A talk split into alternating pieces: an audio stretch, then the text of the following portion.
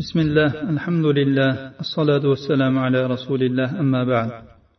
قال المصنف رحمه الله تعالى ثواب لا إله إلا الله وحده لا شريك له. مصنف رحمه الله لدلر لا إله إلا الله وحده لا شريك له ثوابه.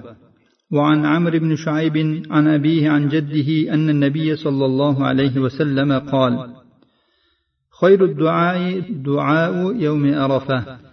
وخير ما قلت أنا والنبيون من قبلي لا إله إلا الله وحده لا شريك له له الملك وله الحمد وهو على كل شيء قدير. رواه الترمذي وقال حديث حسن.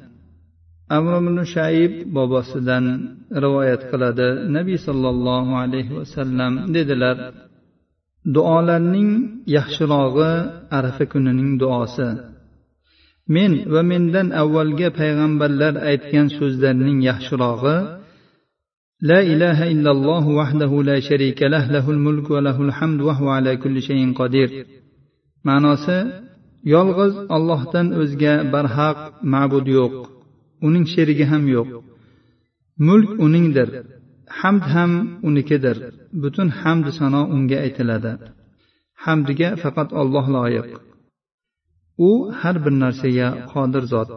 Imom termiziy rivoyatlari imom termiziy bu hadisga hasan deb hukm qilganlar sahih targ'ibot tarhibda ham bir ming besh yuz o'ttiz oltinchi raqam ostida hasan deyilgan وعن البراء بن عازب رضي الله عنه أن رسول الله صلى الله عليه وسلم قال من منح منحة ورق أو منحة لبن أو هدى زقاقا فهو كعتاق نسمة ومن قال لا إله إلا الله وحده لا شريك له له الملك وله الحمد وهو على كل شيء قدير فهو كعتق نسمة رواه أحمد وابن حبان والترمذي. baro ibn azib roziyallohu anhudan rivoyat qilinadi rasululloh sollallohu alayhi vasallam dedilar kim kumushdan qarz bersa yoki echki yoki tuyasini sog'ib sutini ichib turishga beradigan bo'lsa yoki yo'lini topolmayotgan adashgan odamga yo'lini ko'rsatib yuborsa yo'liga yo'llab qo'ysa bu bir jonni ozod qilgandekdir. Ya'ni bir qulni ozod qilishga tengdir ajrda. Kim la ilaha illalloh vahdahu la sharika lah lahul mulk va lahul hamd va huva ala kulli shayin qodir deb aytadigan bo'lsa bu ham bir qul ozod qilishga tengdir imom ahmad ibn hibbon termiziy rivoyatlari sababi man qalaha ashran ushbu kalimani o'n marotaba aytgan odamning savobi عن أبي أيوب رضي الله عنه أن رسول الله صلى الله عليه وسلم قال من قال لا إله إلا الله وحده لا شريك له له الملك وله الحمد وهو على كل شيء قدير عشر مرات كان كمن أعتق أربعة أنفس من ولد إسماعيل رواه البخاري ومسلم أبو أيوب رضي الله عنه دن رواية قلنا رسول الله صلى الله عليه وسلم dedilar kim la ilaha illalloh vahdahu la sharika lah lahul mulk va lahul hamd va huva ala kulli shayin qodir deb o'n marotaba aytadigan bo'lsa go'yoki ismoil avlodidan to'rt kishini ozod qilgandek bo'ladi ajrda ismoil alayhissalom payg'ambar zotning zurriyotidan qul bo'lib qolganlardan to'rttasini ozod qilganga teng ajr oladi. Ulamolar aytganlarki bir narsaga bir ajrda aytiladigan bo'lsa ana shu ishni qilish o'shunchalik ajrga ega qiladi. Ammo o'sha ishga evaz bo'lmaydi. Masalan bir kishi to'rtta qul ozod qilish kerak. Shu zikrni o'n marta aytadigan bo'lsam to'rtta qul ozod qilishga teng bo'lar ekan deb turib shuni o'nta aytib qo'yib bo'ldi. Mana men to'rtta qulni ozod qilganda ajrni oldim. Endi to'rtta qulni ozod qilmasam ham bo'laveradi deyishligi to'g'ri kelmaydi. Lekin bu zikrda aytish bilan to'rtta qulni ozod qilganlik ajrini oladi.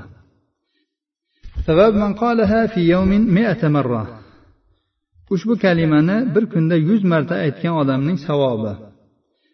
عن أبي هريرة رضي الله عنه أن رسول الله صلى الله عليه وسلم قال من قال لا إله إلا الله وحده لا شريك له له الملك وله الحمد وهو على كل شيء قدير في يوم مئة مرة كانت له عدل عشر رقاب وكتبت له مئة حسنة ومحيت عنه مئة سيئة وكانت له حرزا من الشيطان يومه ذلك حتى يمسي ولم يأت أحد بأفضل مما جاء به إلا أحد عمل أكثر من ذلك رواه البخاري ومسلم إمام بخاري ومسلم abu hurayra roziyallohu anhudan rivoyat qilgan hadisda rasululloh sollallohu alayhi vasallam dedilar kim la ilaha illalloh vahdahu la sharika lah lahul mulk va lahul hamd va huva ala kulli shayin qodir zikrini bir kunda yuz marotaba aytadigan bo'lsa u uchun o'nta qul ozod qilganga teng bo'ladi. Unga yuzta hasana yoziladi yuzta sayyiasi o'chiriladi va u uchun ana shu kuni to kechkirgunigacha shaytondan panoh bo'ladi. Ana shu kunda biron kishi undan ko'ra afzalroq ish qilgan bo'lmaydi. Magaram bir odam undan ko'ra ko'proq aytgan bo'lsa ana shu undan ko'ra ko'proq amal qilgan bo'ladi. ثواب سبحان الله وبحمده. سبحان الله وبحمده ذكرا ثوابا. عن أبي ذر رضي الله عنه قال قال لي رسول الله صلى الله عليه وسلم ألا أخبرك بأحب الكلام إلى الله؟ قلت يا رسول الله أخبرني بأحب الكلام إلى الله تعالى. فقال إن أحب الكلام إلى الله سبحان الله وبحمده. وفي روايه ان رسول الله صلى الله عليه وسلم سئل أي الكلام أفضل قال ما اصطفى الله لملائكته أو لعباده سبحان الله وبحمده رواه مسلم abu dar roziyallohu anhudan rivoyat qilinadi dedilar rasululloh sollallohu alayhi vasallam menga aytdilar men sizga alloh taologa so'zlarning eng sevimlisini xabarini bermayinmi?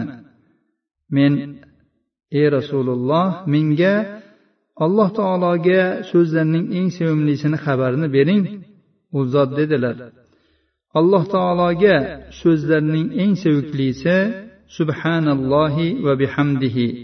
Ma'nosi allohni ya'ni robbimni barcha aybu nuqsonlardan poklayman. Va allohga hamd aytaman. Yoki allohning hamdi bilan alloh taoloni barcha kamchilik va nuqsonlardan poklayman.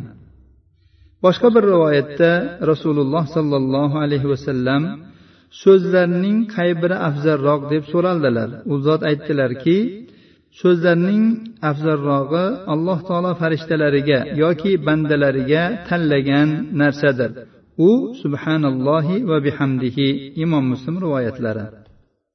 وعن عبد الله بن عمرو رضي الله عنهما قال قال رسول الله صلى الله عليه وسلم من قال سبحان الله وبحمده غرست له نخلة في الجنة رواه البزار بإسناد جيد عبد الله بن عمر رضي الله عنهما رواية قلنا dedilar rasululloh sollallohu alayhi vasallam aytdilar kim subhanallohi va bihamdihi deb aytsa u uchun jannatda bir dona xurmo ekiladi imom bazzor rivoyat qilganlar ushbu hadis sahih targ'ib va tarhibda bir ming besh yuz o'ttiz to'qqizinchi raqam ostida sahihun lig'oyrihi deyilgan وعن جابر رضي الله عنه عن النبي صلى الله عليه وسلم أنه قال من قال سبحان الله العظيم وبحمده غرست له نخلة في الجنة رواه الترمذي وحسنه والنسائي وابن حبان والحاكم jobir roziyallohu anhudan rivoyat qilinadi nabiy sollallohu alayhi vasallam dedilar